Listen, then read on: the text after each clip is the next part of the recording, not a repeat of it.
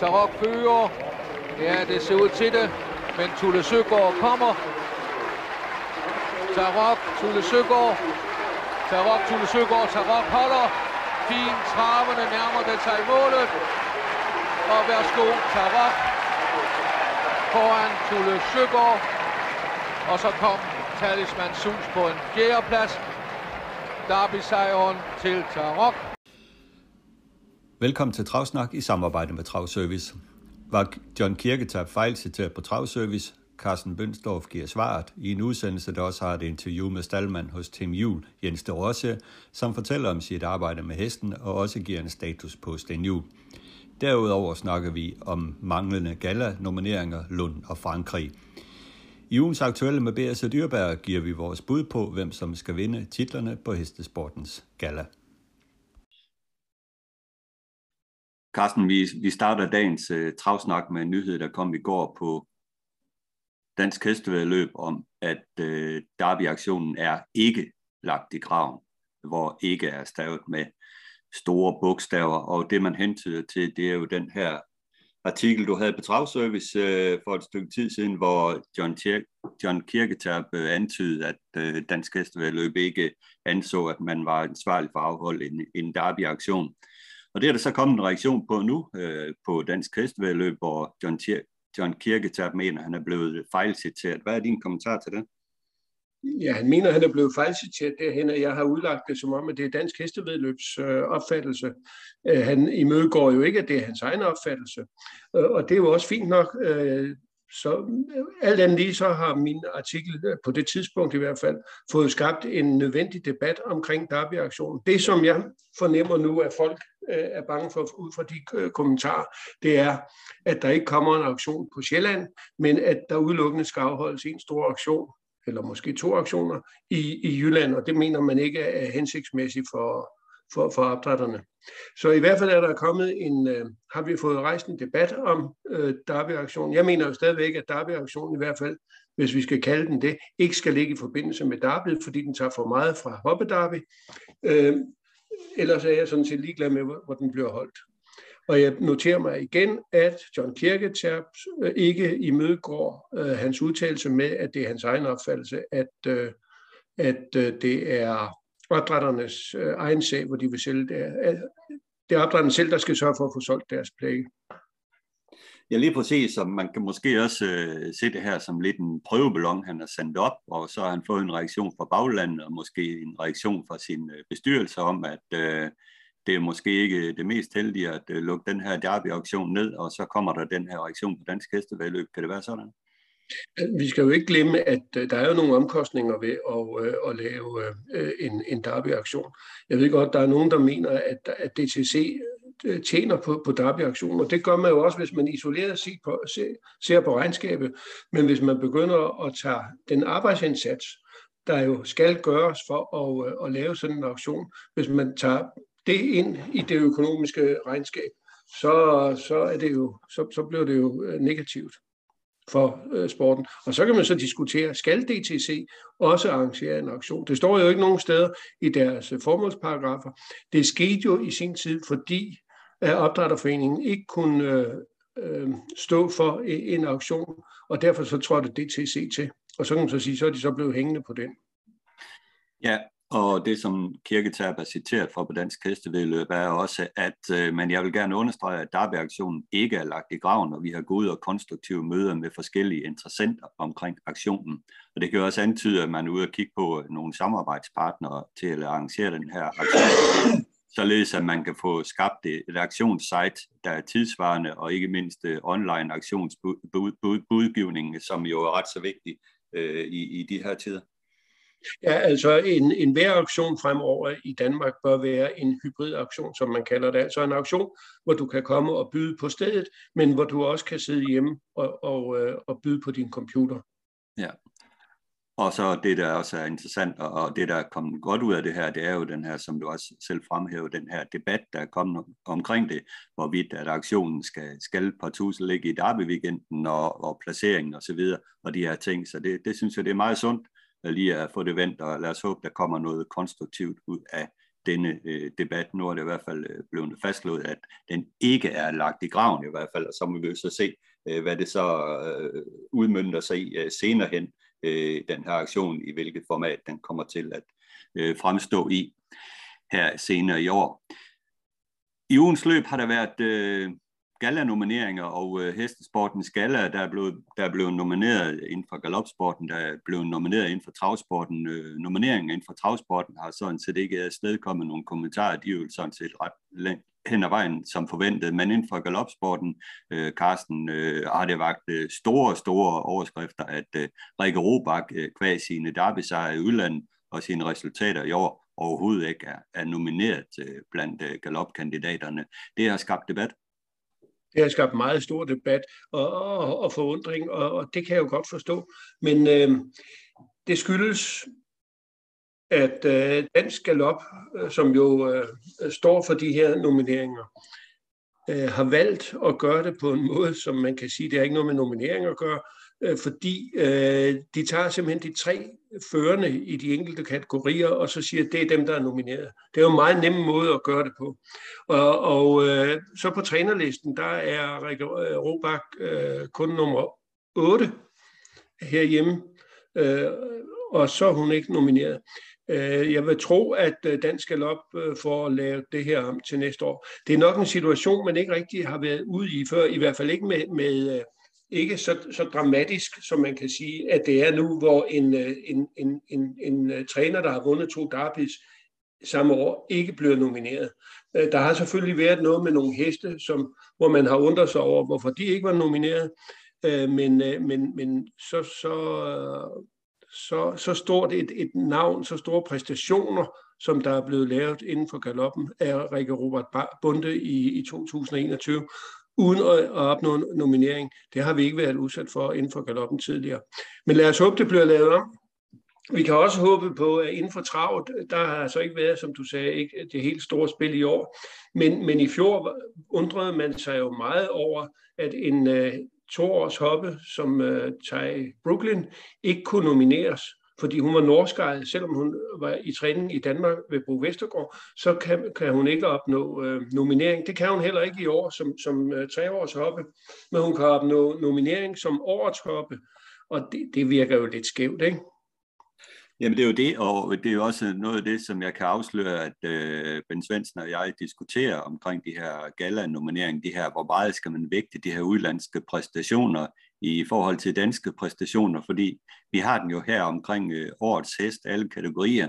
Skal det være Extreme, eller skal det være Festival og Speed, øh, der får den her titel? Fordi ser man på de udlandske præstationer, som Extreme har gjort, jamen, så har de jo været fabelagtige. Øh, selvfølgelig også gjort det godt i Danmark, men Festival og Speed har jo leveret 10. største præstationer i Danmark og gjort ren bord nærmest de, de klassiske løb. Ikke? Så hvor skal man lige dreje den hen? Hvor meget skal man vægte de her udenlandske præstationer? Er der i det hele taget behov for at lige helt præcist at få præciseret i reglerne, øh, hvordan man skal vægte de her ting, udenlandske, indlandske præstationer? Jeg tror ikke, at man kan begynde at så sige, at udenlandske præstationer må kun tælle 25 procent eller 40 procent. Det skal være en sportslig vurdering, og selvfølgelig skal ekstremt øh, udenlandske præstationer vurderes øh, over en kamp.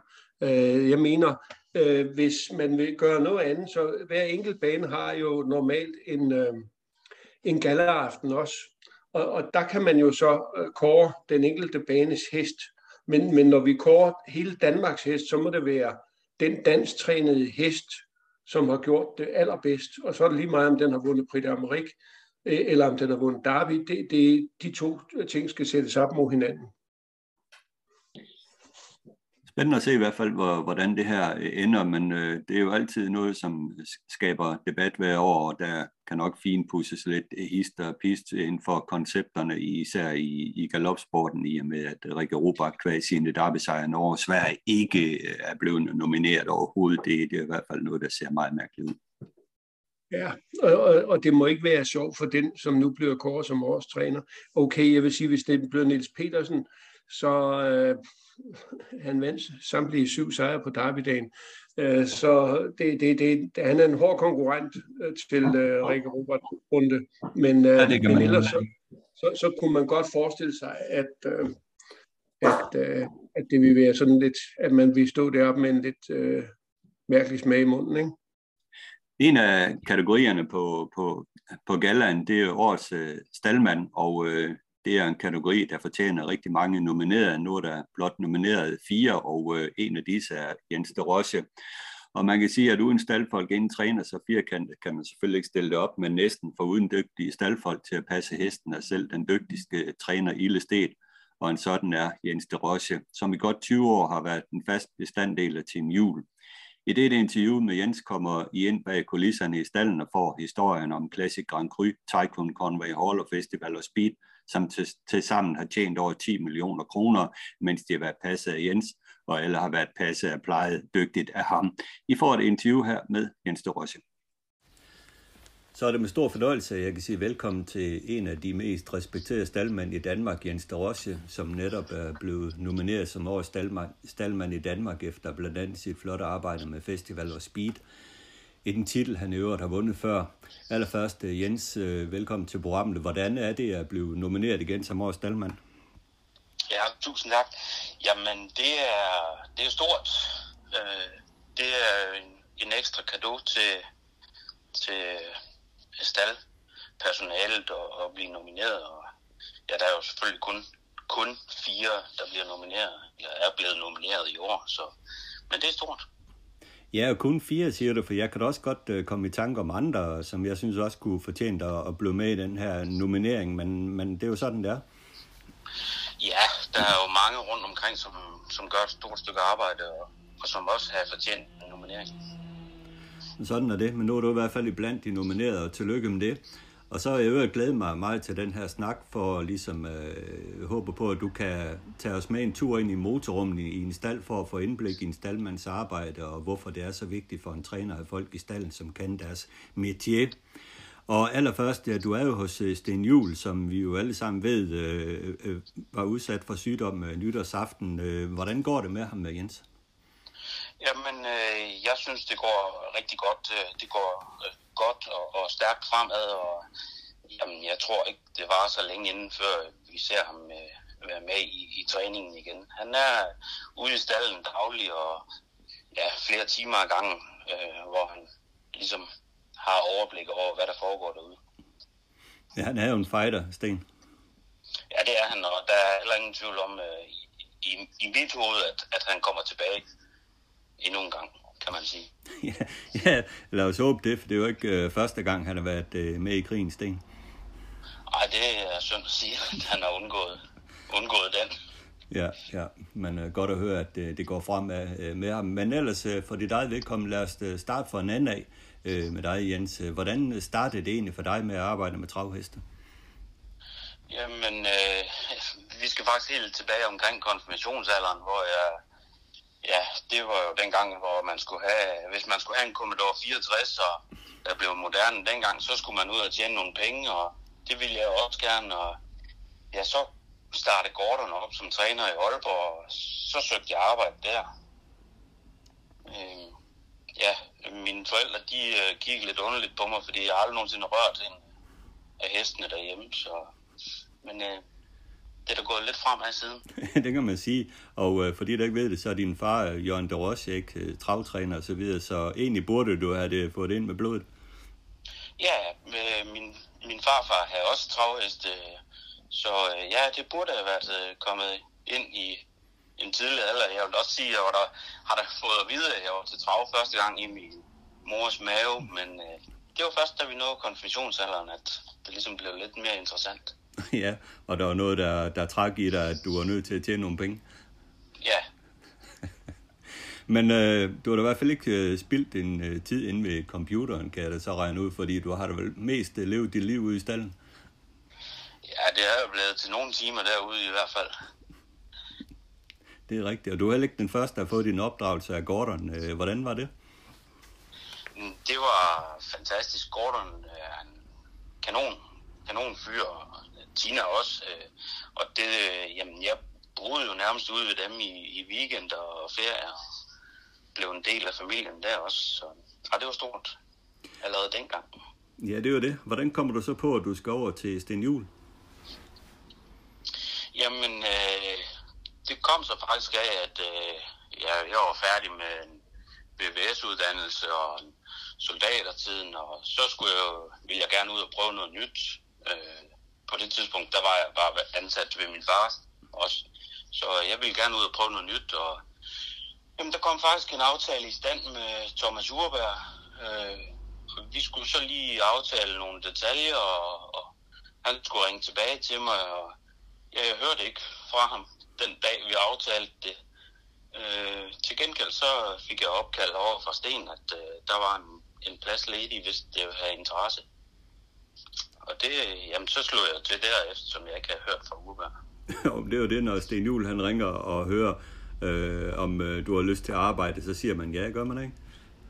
Ej, nu var det godt nok ikke Sten der, ikke? Men, men øh, en, af, en af de ansatte, der skulle, der skulle stå på det, det var faktisk øh, Max Johansen, som jo også er fra Nordjylland, så, så han, ham kendte jeg lidt, så øh, ja, det var, en, det var i hvert fald en mulighed, der opstod, og ja, det takker jeg da ja til.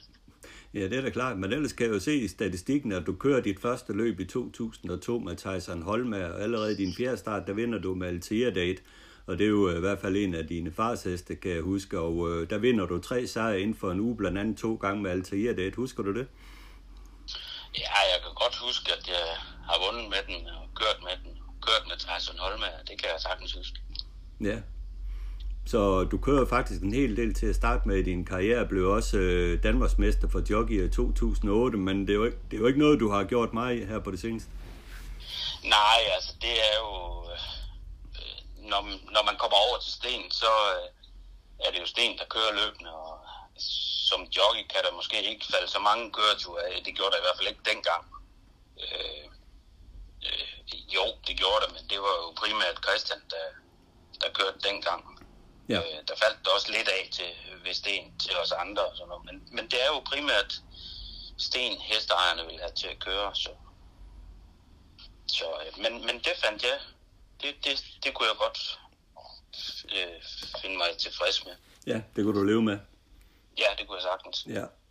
Hvis, hvis vi ser på, på det arbejde, I udfører i, i stallen, og øh, hvis du skulle fortælle lidt om, hvordan du arbejder i stallen, hvilke rutiner har I øh, på en normal øh, dag i, i stallen, når jeg arbejder, Jens? Jamen altså, det, det, det er jo de gængse rutiner med at få hestene ud på folk og ordne bokse, stald og, og ja, tage dem ind igen og, og træne dem og sådan noget. Altså, det, det, det er jo helt gængse, ligesom det er i, i, i alle andre stalle. Så er der jo så, har vi i hvert fald nogle, nogle ligesom arbejdsopgaver delt ud imellem os, kan man sige. Altså, for eksempel så er det jo kun Christian og, og Camilla og jeg, der har stor kørekort, så det er os, der kører den store transport til løb, øh, når det er nødvendigt. Ikke? Hvad med til dagligt? Du har, har du nogle faste pasheste, eller I deles sig lidt om det hele? Nej, vi har øh, hestene, de er delt ud, og jeg har min faste pasheste. Festival of Speed, Enjoy the Game, Daytona, og, og nogle flere jo, ikke også? Ja. 8, 8, 10, 12 stykker ligger vi typisk på. Har du alle dine pasheste i hånden hver dag? Ja, hver dag. og, og, og hvordan... Med mindre, med mindre Sten, han har, har nogle af dem med på skovbo. Så noget, der er jeg ikke med ned. Det er, det er typisk Christian og Sten. Og nu nogle gange også masse hvid, ikke? Ja. Men ellers så, øh, ja, jeg lukker dem selv ud, og jeg lukker dem selv ind, og jeg ordner dem, når de kommer hjem fra skovbo og sådan noget. Så, så jo, de er i, i, i mine hænder hver eneste dag. Hvad gør I ved at tage temperatur på hestene hver dag, eller kigger du bare på den anden med en uh, sundhedstilstand? Jeg kigger på den almindelige sundhedstilstand. Det gør vi alle sammen. Altså, vi, det, det er jo det der, når du har dem i hænder hver dag, så kan du jo hurtigt nemme, om der er noget galt. Altså, det, det er jo ja, altså det bliver jo nærmest familiemedlemmer, der på hver, hver deres måde taler til os. Så, ej, jeg synes, at, øh, det er vi gode til at, at kan se, når vi har den fast i hænder hver dag. Ja, ordner I ben på den hver dag? Gør I sådan noget? Ja, hver dag. Okay, og hvad går det ud på? Jamen, det går ud på, at de, de får rense hår og skylle ben og gjort ren. Øh, er der sår, så bliver de ordnet og sådan noget. Så, så øh, jamen, der, er, der er fuld fokus på, om der er nogle forandringer. Både på alment hesten, men, øh, men også på benene og foderstand og, og sådan noget. Hvor mange gange fodrer I hver dag? En gang til. Hvor mange gange fodrer I om dagen? Øh, vi fodrer fire gange om dagen. Og hvem står for det? Deles I lidt om det også? Jamen, øh, det er øh, typisk Christian, der fodrer de tre gange, og så øh, øh, deles vi lidt om, om middagsfodringen. Men morgen, øh, eftermiddag og, og aften, det er typisk Christian. Ja, der holder lidt øje med, om de får spist op og, og det hele. Ja, og det gør vi andre jo selvfølgelig også, når Ja. vi ser dem efterfølgende. Ja. Men vil jeg sige, at er du med i langsom køring? Er du ikke med i hurtig køring så på, på Skovbo for eksempel? Øh, så meget mere. Det har jeg været. I, I sin tid havde vi jo hest på Skovbo også, da jeg startede over, Og der, der, kom, øh, der var jo en del af det også og sådan noget. Men nu er det typisk øh, Christian og, Sten, der kører det ned. Vi kører så også øh, intervallarbejder hjemme på gården, så, så, så lidt er der med i det også. Ja. Hvad med selve træningen? Hvordan blev, let, blev den der lagt an? Er det Sten, der, der, der, der fylder tavlen ud og, og fortæller, hvad der skal ske der? Jamen det gør han. Den, den, den laver han, og, og så øh, arbejder vi ud fra det. Øh, men vi har ekstremt stor frihed. Altså, jeg har jo sådan, at øh, hvis jeg synes, der er en hest, der er gået under, hvad jeg mener, og den skulle i løb, jamen så har jeg frit slag til selv at, at øge øh, øh, træningen, eller hvis den har gået godt og, og sådan noget, så kan jeg mindske det lidt og, og sørge for, at den får lidt, lidt humør og sådan noget. Ikke? Så der, der er meget frie hænder til at, at arbejde med det enkelte individ. Hvad giver det dig øh, i dit job, at du har det ansvar? Jamen, for det første, så giver det jo mig et ansvar. Men det giver også øh, en følelse af, at, øh, ligesom også er mig, der står øh, for den enkelte hest. Altså, øh, der ligesom er med til at, at give den de resultater, den får. Ja, lige præcis. Er det, er det Eller Sten, der... gerne, eller, Ja, eller kom. gerne skulle få, ikke? ja, selvfølgelig. Det er jo det, vi arbejder hen imod. Øh, når. Ja. der kommer en ny hest ind i stallen, er det så Sten, der ligesom øh, fordeler dem ud og siger, at han synes, den passer til dig og dig og dig?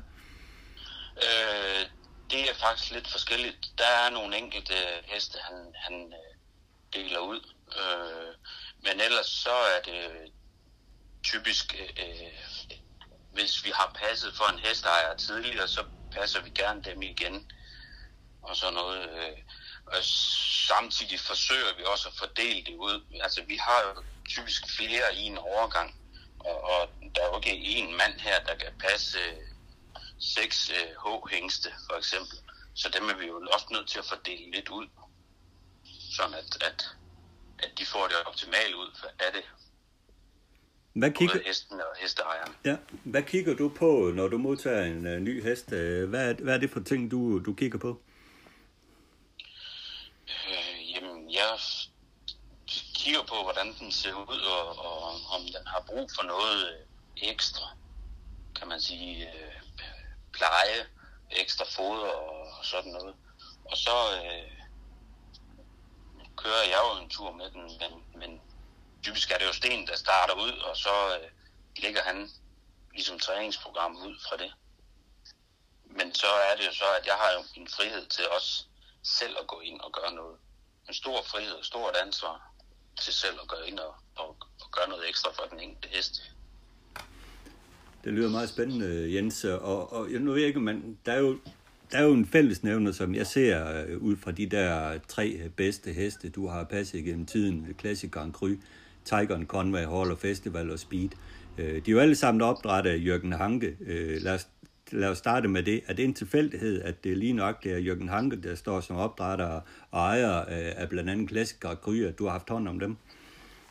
Øh, b- både og, fordi som jeg sagde tidligere, så øh, er det gerne ind over øh, hesteejerne også. Altså, ved, ja, det er jo tilfældigt, at jeg kom til at passe nogen for Hanke, men, men øh, så er det ligesom blevet ved med, at det var nogen for Hanke, jeg kom til at passe når de kom. Så det, øh, ja, så er vi ligesom kørt videre. Ja.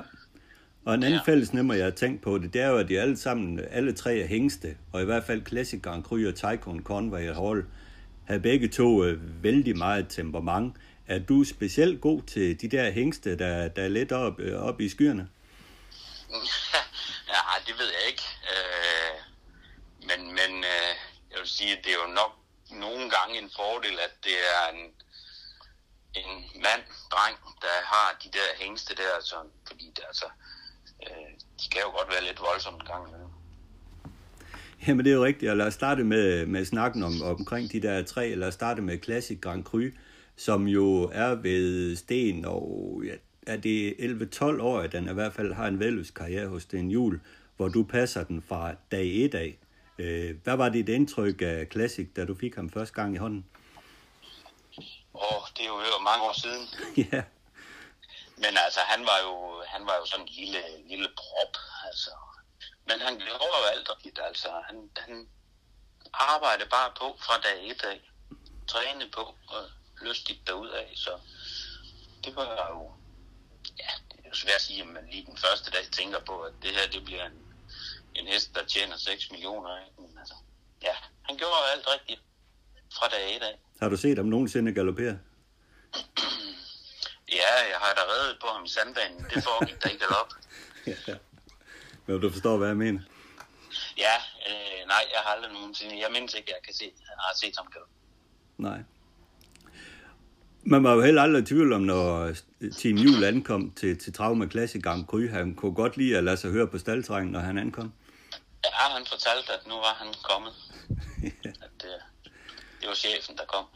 Ja, det må man sige. Jeg har set Sten udtale øh, i et artikel, at han blev bedre til at kæmpe med alderen. Han var til at, i hvert fald til at starte med lidt god til at, til at passe på sig selv i, i løb. Han tog sig måske ikke altid 100% ud. Var det din fornemmelse af ham? Øhm, nej, det var det egentlig ikke, og det var det jo ikke, fordi det, jeg kørte ham jo ikke i løb. Øh, så, så, så den fornemmelse havde jeg ikke rigtigt. Det var jo mere Sten, der, der havde den fornemmelse. Fordi det er jo, det er jo en, løbsrelateret, at de ikke lige giver sig 100 procent. Ja. Men altså, man kan jo godt stå på sidelinjen og forbande, at han kun bliver tredje og ikke, ikke anden eller sådan noget. Ikke? Så. Ja. Men det var måske også derfor, han øh, holdt det til at løbe i eliten i så mange år, at han var passet lidt på sig selv. Ja, det kan man jo tro, det er. Øh, så øh, ja, altså det, det var nok uden tvivl noget af det, kan man sige. Hans største resultat sådan, øh, i karrieren, det var vel øh, måske tredjepladsen i elitloppet i finalen. Er det det, du ser som hans største resultat i karrieren? Ja, det er det. Altså, det var, det var, altså, det er jo stort at være dansker og være med i sådan et løb der, og så få en tredjeplads. Det er jo ja, næsten det største. Det er jo kun sejren, der, der er større, ja. kan Hva, man sige. Hvad husker du om øh, den dag? Jo, jamen, det var jo en, øh, det var en forbandet weekend. Altså, vi, vi, øh, han var blevet sparket få dage inden vi skulle afsted. Og øh, da vi kom op til Solvalder om fredagen, vi skulle afsted allerede der, fordi vi havde Neoholdt minde ud om, om lørdagen. Og øh, da vi kom derop, der stod han med 40 i feber, og det var jo, ja, det hele var jo bare håb til. Men øh, dagen efter, der var han øh, feberfri og frisk, og ja, så gik det jo slag i slag ud af. Det var, det var, det var, det var en stor weekend for os. Ja, det er også der inden han går sin rekord på 0,96, så han havde jo en topdag den uh, weekend, og jeg synes, det lyder lidt vildt, at han kan stå med 40 i feber om fredagen, og så præstere to gange i Europa-eliten om søndagen. Det er, det er ret vildt. Jamen, det viser jo bare lidt om, hvilken jernhest det, det er bare, ikke også? Ja. Men så har han også stor succes i Klosterskogen Grand Prix. Det blev jo ligesom hans løb. Det var vel nogle af de største sejre, han ellers har taget. Ja, han gik jo nogle fantastiske løb deroppe, og især den første sejr, synes jeg jo var helt fantastisk. Øh, løbet blev ringet om, da der manglede 500 meter på grund af styrt. Jeg kan godt huske, det styrt, det var helt forfærdeligt. Det var Navy Seal ja. og andre, der var med der, ja. Ja. Og det, det, bagefter så gik han ud og gik øh, de der 2.000 meter igen, eller hvor meget det nu var, og faktisk pulveriserede modstanden. Så det var, det var, det var et virkelig stort løb, han gik der. Fantastisk resultat og, og løbsmæssigt, altså den præstation, han lavede, synes jeg. Ja. Men hvad er det for et bånd, du, du knytter til, til sådan her som Classic Grand Cru? Han er hos dig i så mange år, og du kører ham i den aller sidste start, han har hos jer, inden han går i tysk træning der. Altså, hvordan var det, øh, allerførst, hvad er det for et bånd, du knytter til sådan en hest? Jamen, øh, det, det, øh, jamen, det bliver jo nærmest familiær, fordi du, du ser hesten, det, og det er ikke bare ham, det er jo også de andre.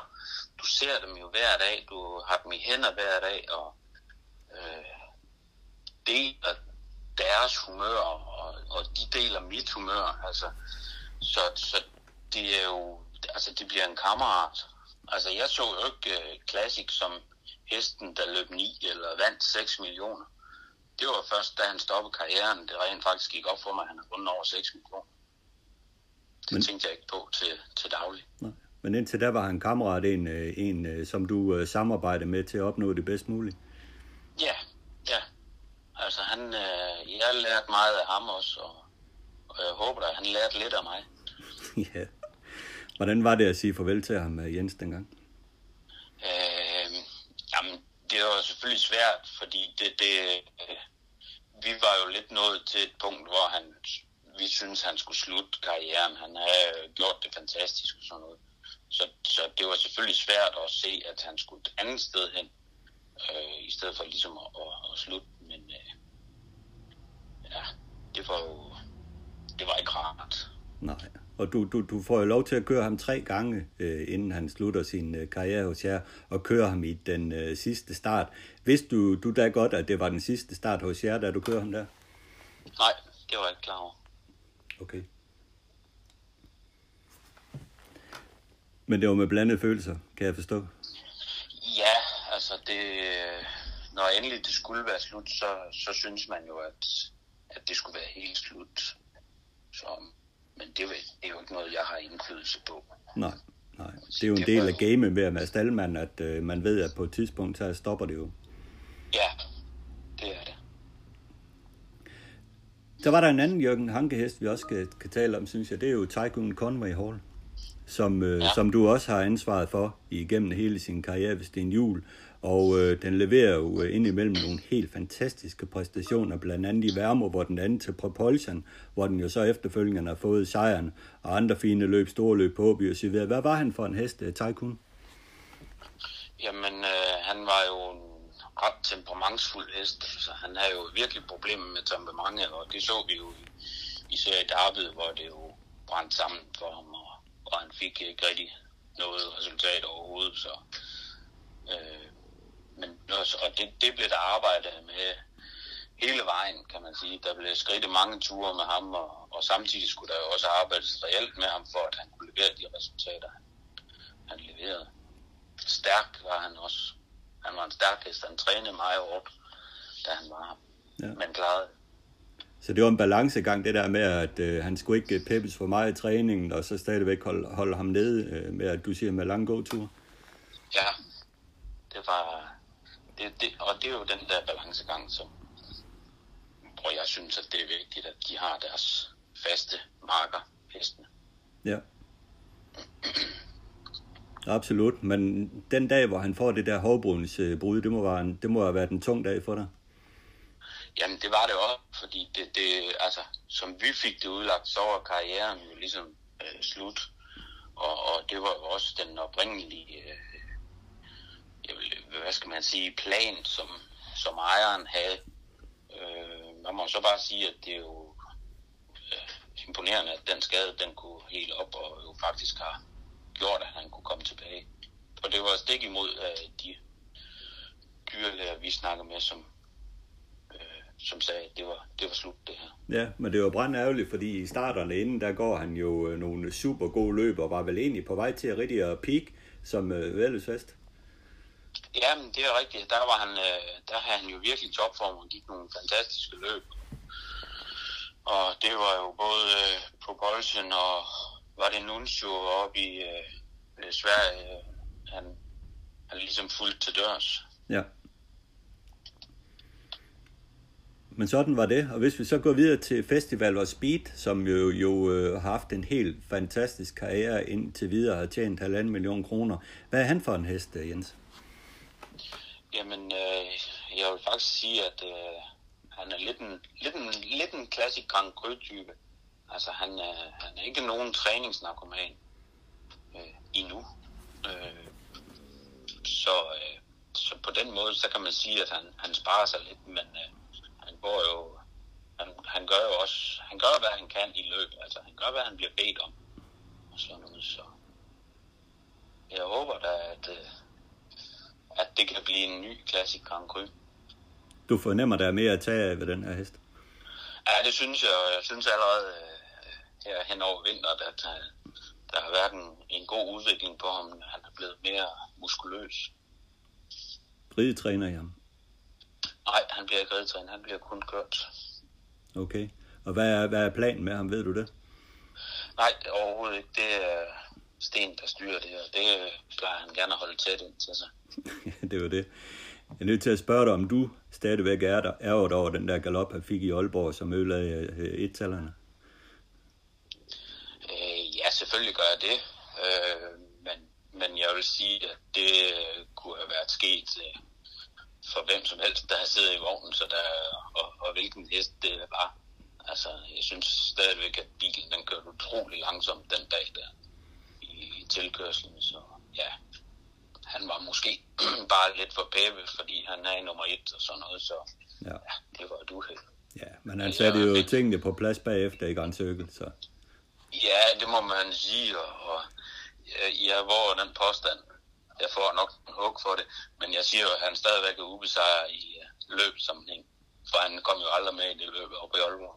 Jamen, det er rigtigt. Det blev aldrig rigtigt et løb for ham. Det er fuldstændig korrekt. De gange, han har fået chancen, der har han løst opgaven.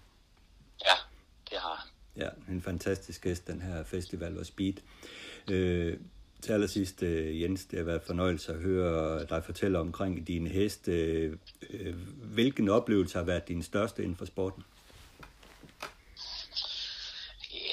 Jamen, der har været så mange øh, med, med gode heste, men, men jeg må jo fremhæve Classic, øh, som, som jo tjente 6 millioner og var med i elitløbet og var med i, har startet i Italien og i Frankrig og, og rundt omkring og gå fantastiske løb i Norge og sådan noget, så det, det, altså, det må være, være den rejse at have været på med sådan en hest, der er absolut højdepunkt. Og så kan det jo være, at du er ved at starte en ny med, med festival. Ja, det kan man jo håbe. Det er rigtigt. Men jeg er også nødt til at spørge dig så, hvad er din, hvad er din største nedtur? For dem er det jo også mange af inden for sporten. Åh, der er mange, der er mange, kan man sige. øh, Det, det, det er jo, når, øh, altså personligt så hader jeg jo at tabe et løb, når øh, min hest den sidder i spids, altså min pashest den sidder i spids, jeg hader at tabe sådan et løb. Øh, og, og, og der kan jeg jo så fremhæve øh, David med Daytona. Han, øh, jeg synes jo, at han var kommet til spids, og han ligesom havde det der på gaflen, da han pludselig galopperer. Det, det, øh, altså, det kan jeg stadigvæk gave mig over den dag i dag. Ja, det forstår jeg godt. Alt det var klappet og klart. Men øh, Ja. så løb ja, han bare ud i en det- mærkelig det, galop. Det, det, så det ud til, og så lige pludselig så var det jo væk med en galop. Ja, det er Og det. så, kan man, det, kunne- så det kunne man jo ikke vide på den, det tidspunkt, men øh, øh, så kan man jo se, at, at det har jo været en god øh, statistik at have for Sten med, med Derby-sejren. Det har jo været 5 ud af 5. De sidste fem. ja, det er rigtigt. Det er unbeatable, kan man roligt sige. Det er godt, Jens. Hvor lang tid har du tænkt dig at blive ved med at være staldmand? Åh, det ved jeg ikke. Nu, øh, nu tager vi i hvert fald øh, tørnen, så længe Sten han bliver ved. Jeg har, jeg har jo sagt for sjov før, at jeg går på Sten, jeg lade på pension sammen med Sten. Og det lader jo ikke til, at han går på pension forløbet. Så, Nej, det var det. Det så det. ja, nu får vi se. Det er rigtigt. Fornøjelse at snakke med Jens. Ja, Tak det var en fornøjelse at være med. Det var slet.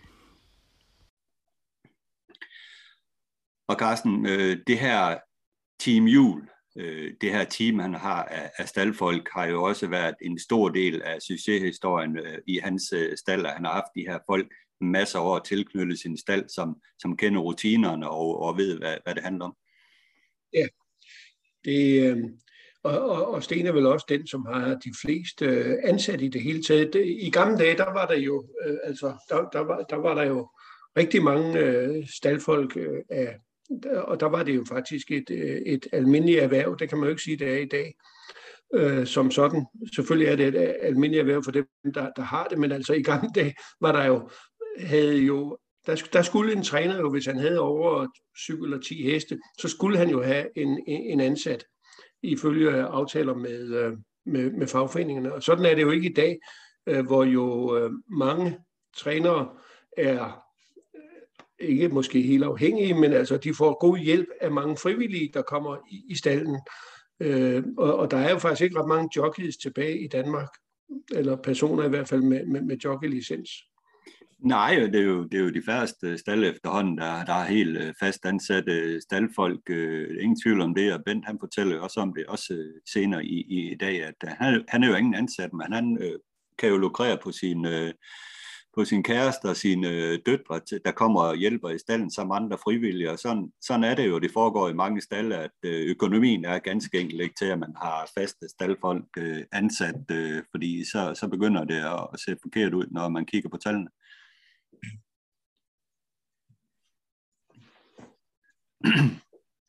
Men sådan er det.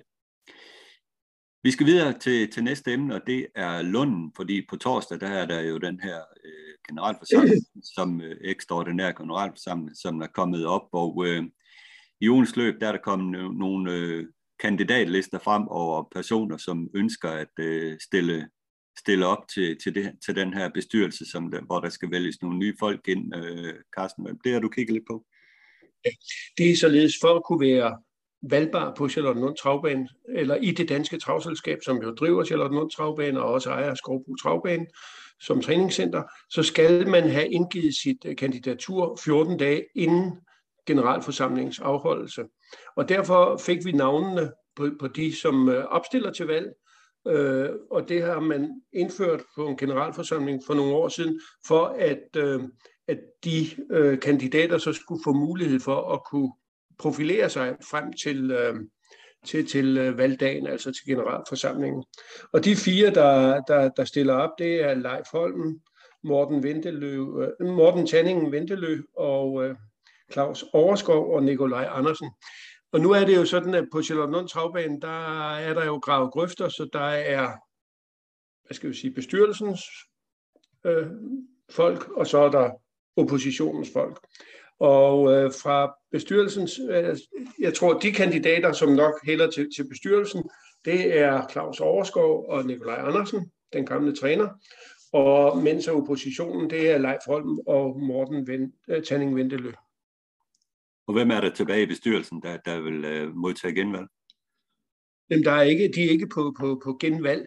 Øh, grunden til, at der er en ekstraordinær generalforsamling, er, at Øh, Øh, Theodor Nielsen trak sig ud af bestyrelsen, og at Jørgen Iversen, som var supplant, ikke ønskede at indtræde. Og lige pludselig var der kun tre personer tilbage i bestyrelsen, og så er bestyrelsen ifølge øh, vedtægterne ikke beslutningsdygtig. Derfor så skal der afholdes en generalforsamling for at, at få besat de to vakante øh, pladser, som der faktisk var.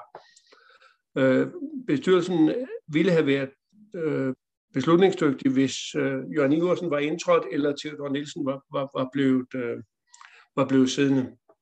Okay. Så det er derfor, man har en ekstraordinær generalforsamling, og det er altså udelukkende øh, valg af, af de to personer. Og så desuden så skal der så vælges øh, to øh, supplanter også, og der er altså nogle flere, der, der har stillet op til det. Okay. Men det skal man også melde sit kandidatur på forhånd. Kan man forestille sig, at der kan blive stillet et mistillidsvotum til den siddende bestyrelse? Øh, ja, men, men øh, det, kan, det, kan, det, det, det kan da godt være, men, men jeg kan ikke se, at, øh, at der kan komme noget ud af det som sådan øh, på, øh, på, på det møde, der er på torsdag. Så bliver, bliver det på, til et senere møde, fordi der er jo kun øh, fire, der er stillet op til, øh, til, til, til bestyrelsen.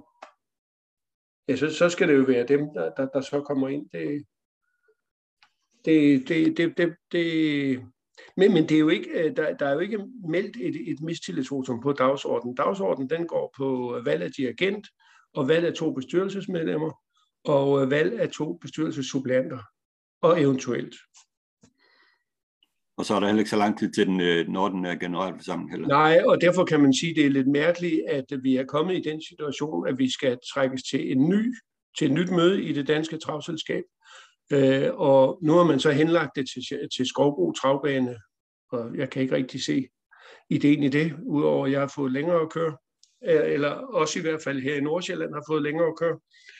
Øh, men øh, jeg synes jo, at øh, Theodor Nielsen øh, eller Jørgen Iversen jo godt øh, lige kunne have, have holdt pinen ud, hvis det er en pige, eller når det har været en pine, øh, frem til, til marts måned, hvor, øh, hvor, hvor der er valg til, øh, til bestyrelsen, og hvor Michael Jule Nielsen, der er formand og, og er mange betragtet som en meget kontroversiel formand, er på valg. Så det blev en meget spændende generalforsamling under alle omstændigheder i, øh, i marts måned. Ja, det er jo det. Og jeg kan ikke lade være med at tænke på i dag på Lund, der kører så Otto Hallings mindeløb. Og Otto Halling har jo været en meget respekteret øh, formand for Danske Travselskab i sin tid, og kan vide, hvilke tanker han ville få, hvis han stod op af graven og så, øh, hvilken tilstand Lund var i nu. Det er Lund, han elskede i sin tid, bygget op, og øh, der hvor Lund er nu. Ja, der, der, er, der er sket meget. Altså på, på hans tid, der var det, og, og mange år fremover, var det jo en, øh, for det første var det jo en, øh, en meget stor ære at blive optaget i bestyrelsen i, i det danske travselskab, og bare det, det danske travselskab var jo et, en, øh, en øh, det var jo en stor del af, af det københavnske øh, liv i det hele taget. Altså det var jo en stor institution i, øh, i, i København øh, helt frem til til 80'erne, vil jeg sige, udgangen af 80'erne, så begyndte det ruten for alvor. Og det kan man så sige, den hænger næsten sammen med dansertog. ja, men alt det er historien. Lad os uh, kigge videre mod, mod Frankrig, hvor det jo uh, sker i øjeblikket uh, med det ene store løb, der afløser det andet. I søndags, der så vi uh, Britte Belchik uh, blive afviklet, og man kan roligt sige, at uh, det fik en kontroversiel uh, både indledning og afgørelse indledningen på løbet, der var en tilskuer, der var utilfreds med en kendelse i et løb, hvor en hest blev smidt ud for at være uden for banen i opløbet. Nej, den blev så netop ikke smidt ud. Okay. den blev netop ikke smidt ud, og det, der var det kontroversielle i det, ja. det var jo, at hesten bevisligt var uden for øh, afmærkningerne ned igennem opløbet, og der er jo blandt andet Racing Mange øh, blevet øh, smidt ud på, på Vincennes for at have kørt inden om nogle pæle. Her, der, der sagde man, jamen det var jo Stalritas hest, som, som pressede den her anden hest udenfor, og derfor så fik Stalritas kuske Frank Uri, han fik en udelukkelse på, på, på to dage som sønderen. Men det, der jo var forbandet for mange, det var jo, at den hest, som kørte uden for pælene, uanset hvordan den så var kommet der, den øh, er ejet af, af Jean-Pierre Bachon, som jo er formand for det franske centralforbund. Så, og, så, og det lykkedes så en person, øh, de har ellers mange vagter på, øh, på, på Vincennes, men der lykkedes så en person at komme ind på banen, og, og ham havde de så lige lidt problemer med at løbe op. Og derfor blev starten udsat i 10 minutter. Ja, og i selve løbet, der var det jo Davison de Pong, der var på vej mod en øh, sikker sejr, men øh, Nicolas Basir, han øh, drev hesten over galop, det kan man vist roligt sige. Han øh, drev på en måde, som han har gjort før, øh, og nu fik det altså et efterspil her fra hesten Davison de Pong, der løber i en trance og simpelthen tabte balancen til slut og forsvarede sig med galop, og det er jo især så, i, i stedet så farmand øh, øh, Basir, der, der vandt løbet med Fødø 7. Øh, ja, øh, det, var, det er jo Nikolas øh, Nicolas Basir øh, tabte jo hovedet totalt. Altså, det, det, det må jo ikke ske, det, det her, som, som der skete. Det var, det var en helt overreaktion fra, fra hans side. Men han får lov til at køre hesten stadigvæk. Det er morfars hest. ja, lige præcis. Og øh, det, der er næsten er endnu mere grotesk, det er jo, at øh, han fik ikke nogen bøde for den her drivning. Øh, de har nogle meget, meget hvide regler for, hvordan man må drive i Frankrig. Havde han drevet på samme måde i Sverige og Danmark, så har han jo stået til, til minimum øh, tre måneder i, skyggen. Ikke? Altså det er grotesk, den her forskel, forskel der er i reglerne. Til gengæld er de begyndt at idømme øh, flere bøder øh, for trængning. Øh, det, det, jeg synes ikke, jeg har set så mange bøder for, for, for trængning som, og, og kørsel i, i Halsborg, som, som der er givet nu her. Nej, det er jo blandt andet ramt øh, Silstrøm, og jeg har også set, at Basir har fået sådan nogle bøder, og de, de ja. kører jo også tæt dernede, og ja, vil de ud, så skal de jo nok komme ud, ikke? men det man må måske begynde at kigge lidt strammere på. Det tror jeg. Ja, men ellers var det jo Jean-Michel Bashir, der vandt med sin egen træner for 7, og han er jo så fem heste kvalificeret til Prix d'Amérique, men efter en hest er blevet skadet, så er der fire tilbage, og den her for 7 er vandt i 12-4 over de 2850 meter. Han er en hængst efter Sanko, Panza, en, øh, en hængst med Jean ja, ja, nej, han er en hængst, hængsten uh, til der er far til Føde Seven efter Sanko Panza, det er jo det, jeg vil sige. Og øh, hvis man kigger på hans øh, blodlinje Føde Seven, så er det jo en hest, der er renset for, for Dubois og Ready Cast blod, og det er jo lidt usædvanligt. Ja, det er det. Og det er jo en, han øh, Basir selv har opdrettet i øvrigt også. Okay. Anden hesten, de alle, alle, hans, alle hans opdræt, alle, alt hans opdræt hedder øh, nummer 7. Okay. Og han kører den jo også selv i Prix d'Amérique, har jeg set. Ja, øh, og så, men inden af, af Ganette Banville blev slettet, som var den, hvad skal vi sige, femte hest, øh, så havde, man, øh, så havde Basir, fordi man kun som træner må starte fire heste i, i Brit Amerik.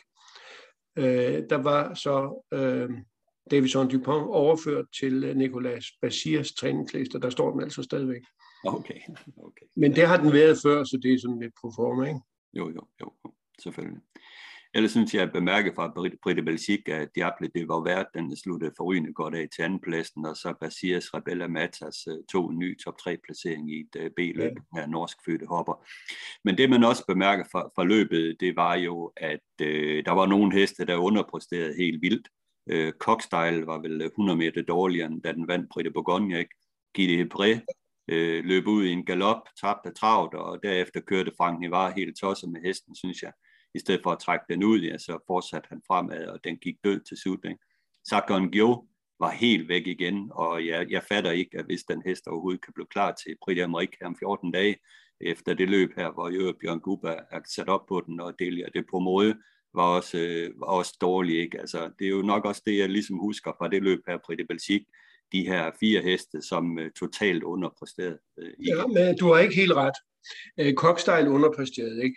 Den var ude med fire sko på og skulle have et indvendigt løb, og, og den øh, kom hjem lige bag klumpen. Så, Nej, så det jeg, jeg, ikke... jeg kan simpelthen ikke følge dig der, fordi for det første så trak han vat på den tidligere, så trak han det norske udlag, og hesten reagerede ikke på det, og midt i svinget der sakkede den bare bagud, helt livløs. Altså, jeg så slet ikke en kokstejl, der var så meget op på tæerne, som den, øh, den var i Prite Bourgogne, da den vandt det, og så meget forskel skal der ikke være på, at den øh, får sko på i forhold til uden sko. Så nej, jeg synes, den var, var meget svag. Time will tell.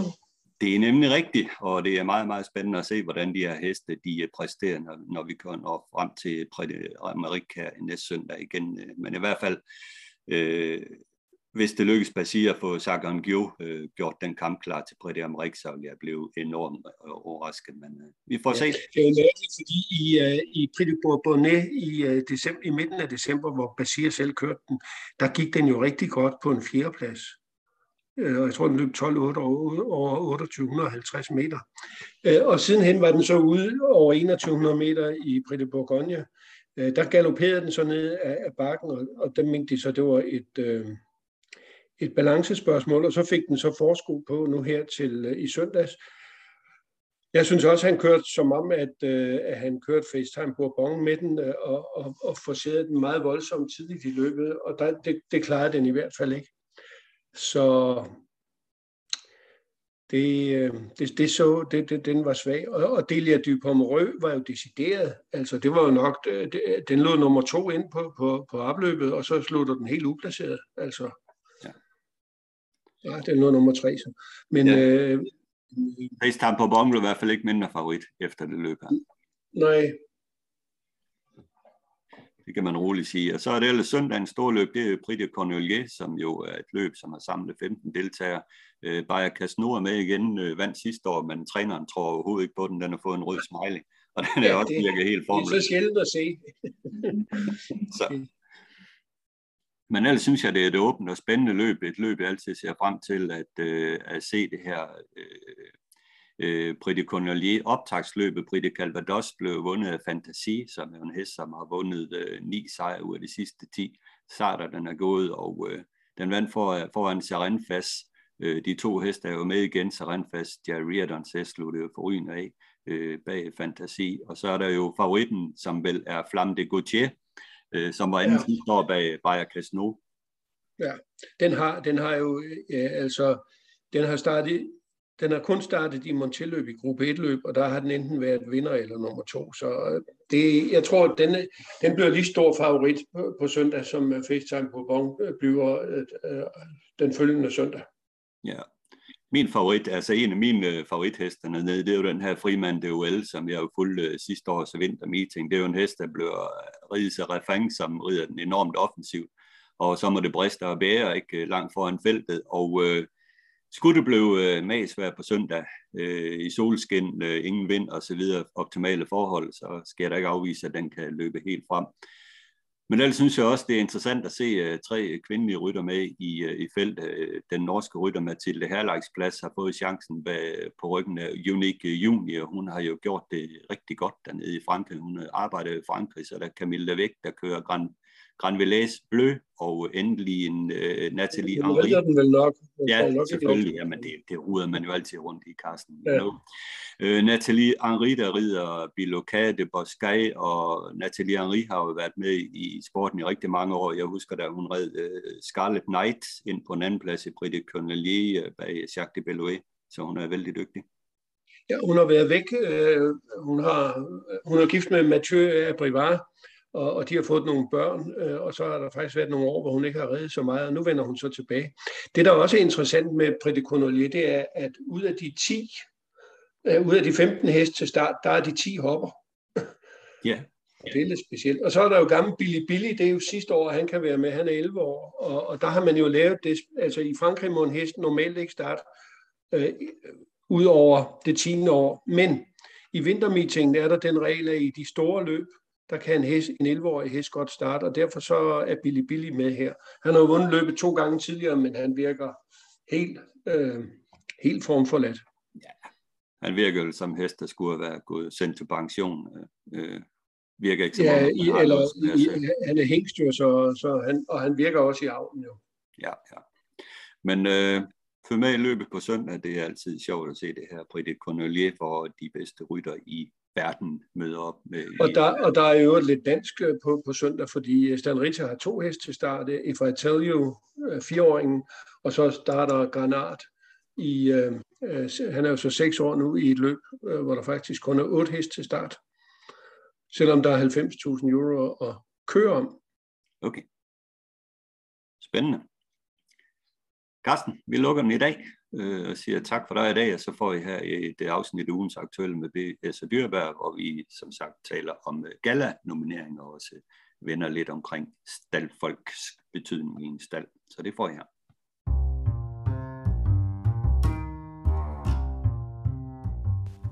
Ugens aktuelle med B.S. og Dyrberg.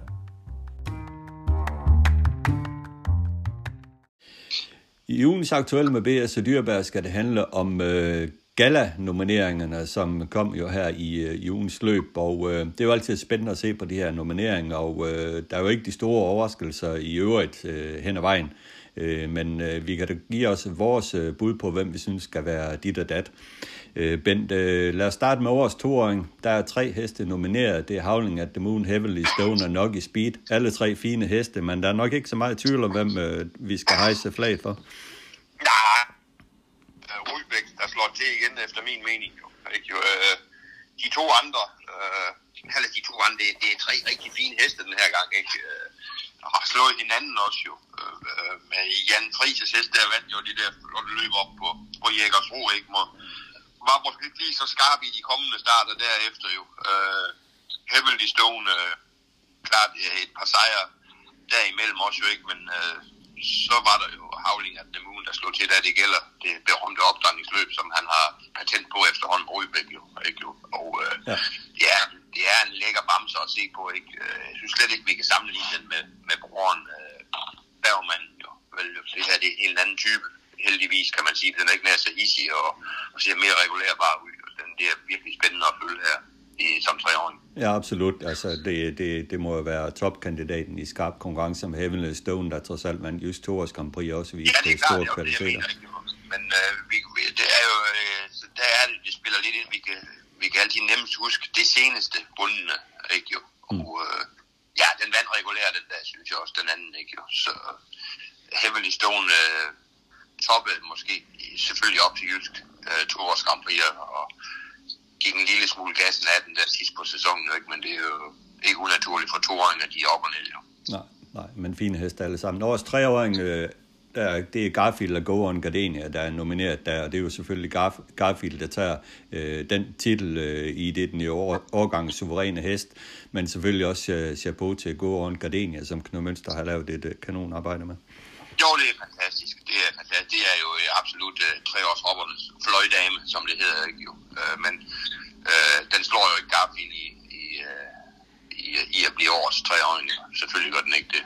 Så sådan er det bare jo. Ja, den er gjort ren bror. Garfield var jo ude i en episk duel i Jysk 3 Grand Prix, hvor, hvor de der to, den og så gasolin, ja. de, de sled ja. sig rundt i Aarhus og ja. overlevede det løb og kom til kriteriet, hvor Garfield jo bare viste igen, at det var bedst. Ja, han er bare bedst. Det er der slet ingen tvivl om. Det, det, det er jo en, en overhest, hvis den fortsætter den udvikling næste år. Ikke? Så, så bliver han ikke nemmere at bygge op til den, heller ikke som fireåring. Nej.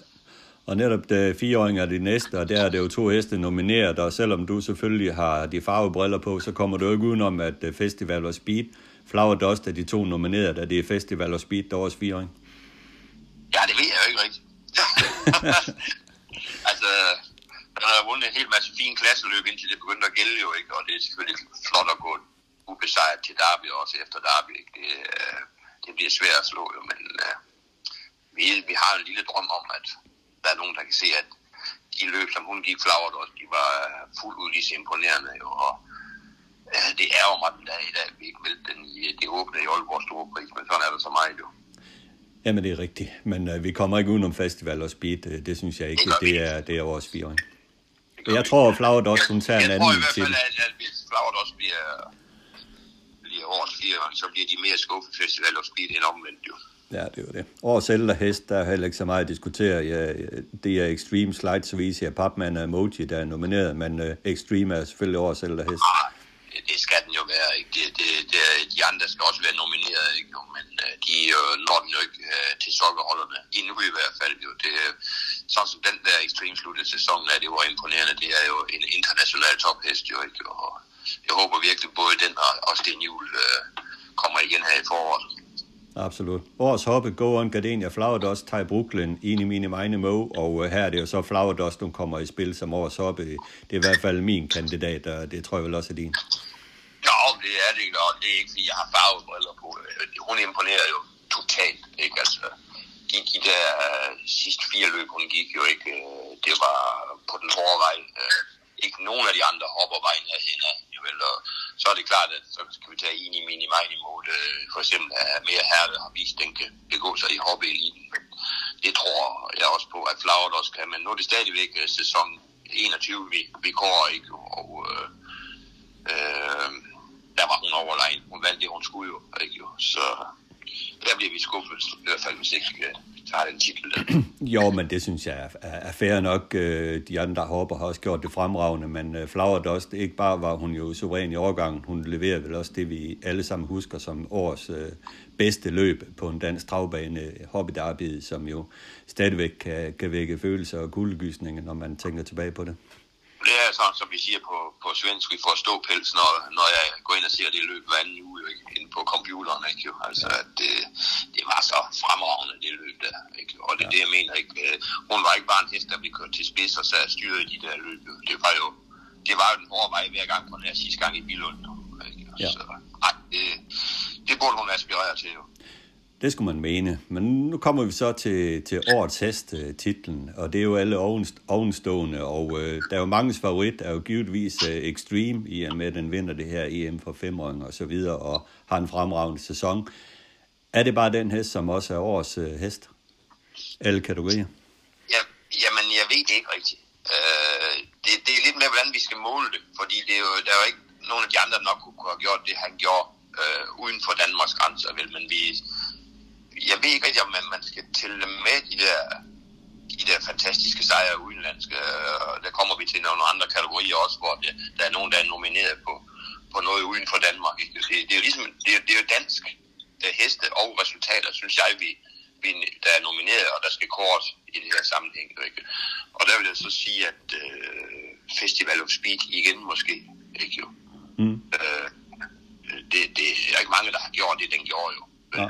Altså, jeg hælder faktisk også mest til, til Festival og Speed, fordi jeg synes, man... Øh, alt er respekt for Extreme og de præstationer, den er lavet.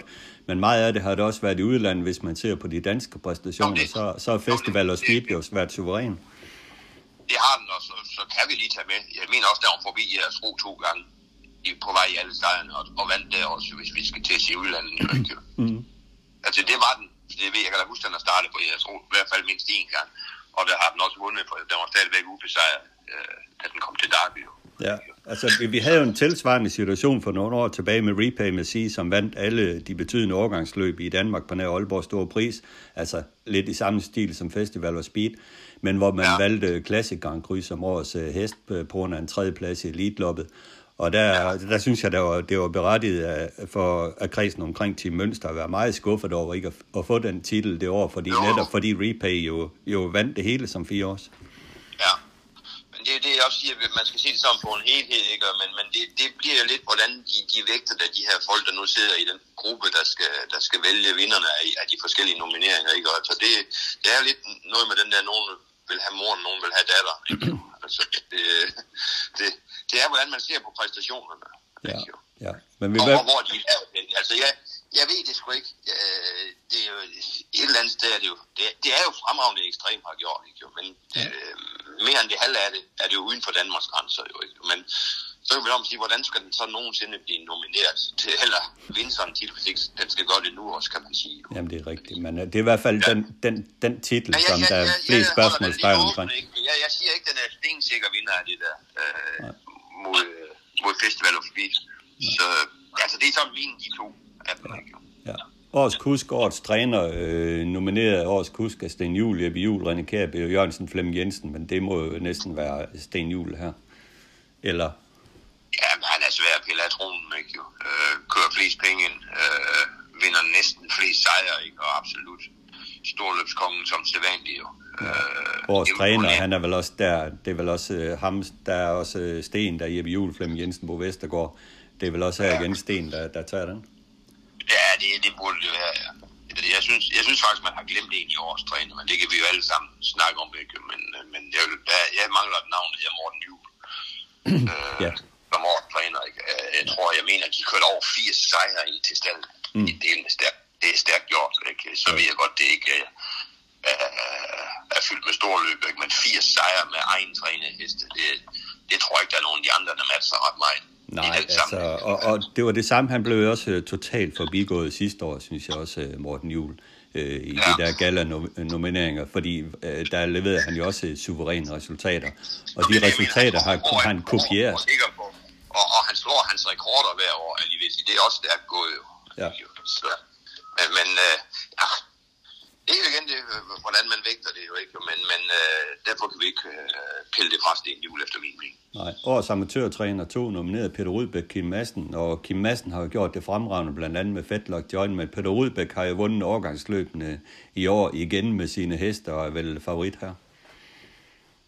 Ja, altså, han, han øh, har vundet med havlinger til Moon, som vi siger, Fox on the Run to Jysk, fire års øh, Hoppe Grand Prix. Ja, du var det du, du vel har tjent masser af penge i Sverige, så... Ja, ja, og der er vi inde i Sverige igen jo, ikke? Men, ja. men øh, det, det er trods alt ham, der træner den. Han kommer fra Danmark og, og sådan noget, ikke? Så ej, det, det burde han vinde jo, ikke? Selvom, øh, hvad hedder han, Kim Madsen har, har gjort det godt med, med mange af hans startheste også, men jeg synes det er på samme plan. års amatørkusk, Mads Pedersen, Mathias Jensen, Martin Andreasen, Camilla Plambæk. Øh, fine emner alle sammen, og øh, hvem skal man lige vælge af dem? Ja, jeg siger uh, Mathias Jensen. Umiddelbart. Hvorfor? Har, har vundet uh, rigtig mange løb ikke? Med, med, med en del forskellige heste, ikke? og viser gode kørehænder, og, uh, og har også fået resultaterne på dem. Jo, ikke? Så det er min favorit. Ja. Jeg har en lille favorit Camilla Plambæk. Jeg synes, det er stort af hende at vinde amatørchampionatet på Lund. Hun er en ung pige, der virkelig har gjort det forrygende og også Jamen, gjort det godt i Sverige. Ja, det har hun. Det, det er rigtigt. Det var fuldstændig ret, jo. Så det, ja, det er måske fordi, at, at, at øh, jeg kigger mere på Mathias Jensen, end jeg kigger på Camilla uh, Plambæk i det daglige, når vi ser løbende herovre. Ikke? Og det er ja. derfor, det er altid lidt svært at vægte det der. Ikke? Ja, men hun kan jo så sagtens komme ind og blive årets komet, som hun jo også er nomineret i. Det kan hun, ja. Årets opdrætter Jørgen Hanke, Niels Juhl, Bjarke Thomsen, Peter Rudbæk, Thomas Lindholm, Panamera Racing. Alle sammen topopdrættere. Det er også svært lige at plukke en ud der, men måske Jørgen Hanke, en absentia, kan få den her titel. Ja, det har i hvert fald været øh, øh, noget af et gennembrud, kan vi sige. Selvom han er løbet nu Jørgen Hange, så har hans hest jo virkelig stået til i 21 i, i forskellige sammenhænge, og vundet øh, masser af løb og kørt mange penge ind med dem. Ikke? Øh, og det er jo i Danmark også de har begået sig jo. Ikke? Nu, nu, nu kan vi tage det der igen med, om man skal vægte udenlandsresultater. Så Hvis du tager Panameras resultater, så er det jo næsten udelukkende udenlandske resultater, men fremragende resultater af heste, der begår sig ned på, på Vincennes, ikke? og i Sverige også for den sags skyld. Jo.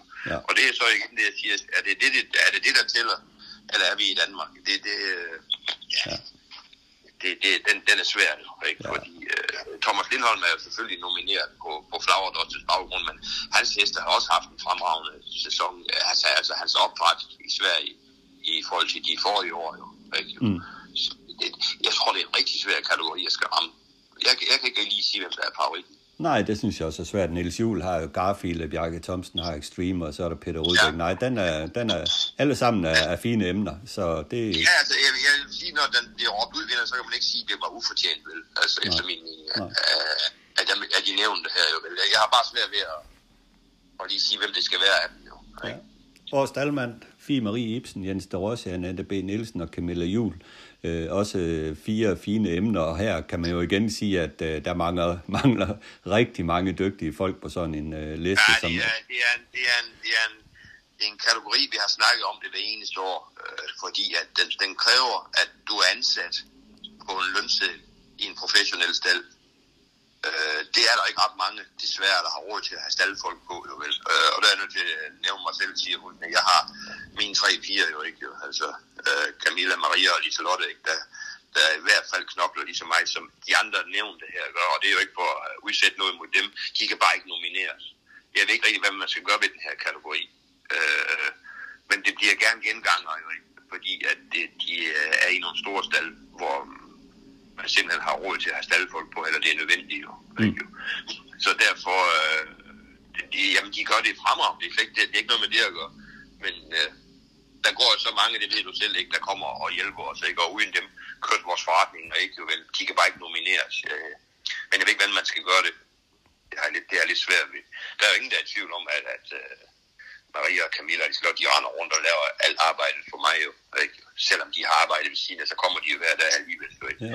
De andre, de er bare ansat i de der stadigvæk. Mm, mm. Det kunne jeg selvfølgelig bare gøre, men så, så har jeg sgu ingen penge, hvis jeg skulle gøre det.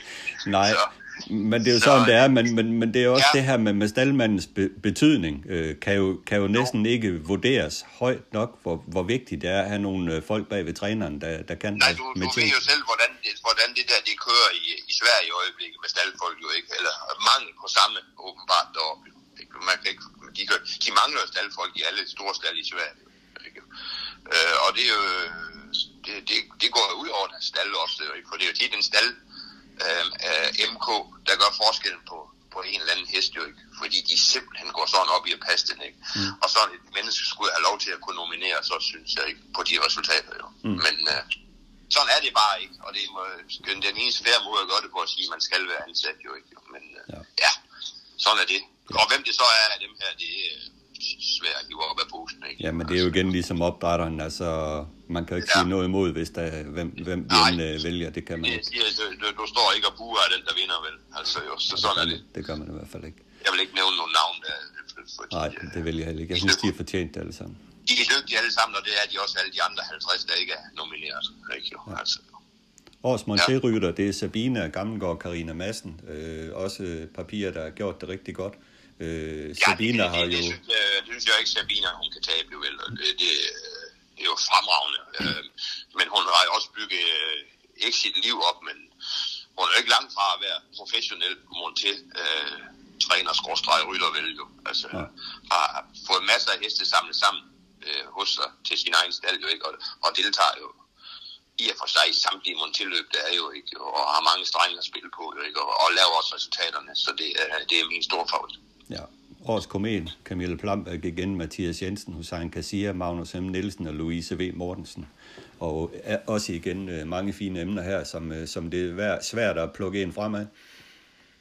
Ja, de, de har lavet øh, forskellige resultater på, på, på gode måder alle sammen, ikke? og det, det er jo, som du selv siger, det, det er også en af dem, og jeg vil ikke nævne, hvem det skal være af dem jo vel, fordi de, øh, de har gjort det godt på, på hver deres måde. Louise, hun har jo lavet nogle gode resultater med blandt andet EQE, der ikke jo. Øh, Mathias har vundet mange løb. Øh, Magnus blev Danmarksmester, så vidt jeg husker, ikke? Jo. På Georgia. Øh, hvem var den sidste? Hussein er stabil og kører godt jo. Ikke? Ja, så Camilla øh, Plambæk igen her. Som... Camilla Plambæk igen, ja, der er coming, coming woman. Det er vel den, hvis vi snakker komet, så er det vel en rigtig komet, synes jeg jo. Ikke? Mm. Altså, jo. Den der komet-kategori, den har vi også diskuteret mange gange, hvornår man er komet, og hvornår man er, øh, har sat sig som en af de, af de fremtrædende. Ikke, jo? Ja. Så det, ja, det, er, det, det er lidt en svær kategori også, også at nominere i. Jo. Mm. Så er det aller sidste års ponyprofil, der er det også nogle dygtige unge mennesker, Camille G. Jensen, Mikkel Pedersen, Nikolaj Hånesen, Adam Køler og Karina Bakke. Altså, det er jo ret ubeskrevet blad for, for mig, men ja. du, du kender ja, måske ja, også ja, lidt til den. Nej, nej, det gør jeg sgu ikke. Nej, det er, det er, det er uindforstående. Jeg har ingen indsigt i det. Jeg, har, jeg føler desværre ikke med i det. Nej. Så det, det, det har jeg ingen ting at sige til. Nej, men det er selvfølgelig stort for dem at være nomineret, fordi det betyder ja, meget for så et ungt menneske. Det er, der, der er sådan noget, der får dem til at fortsætte karrieren, ikke? forhåbentlig jo.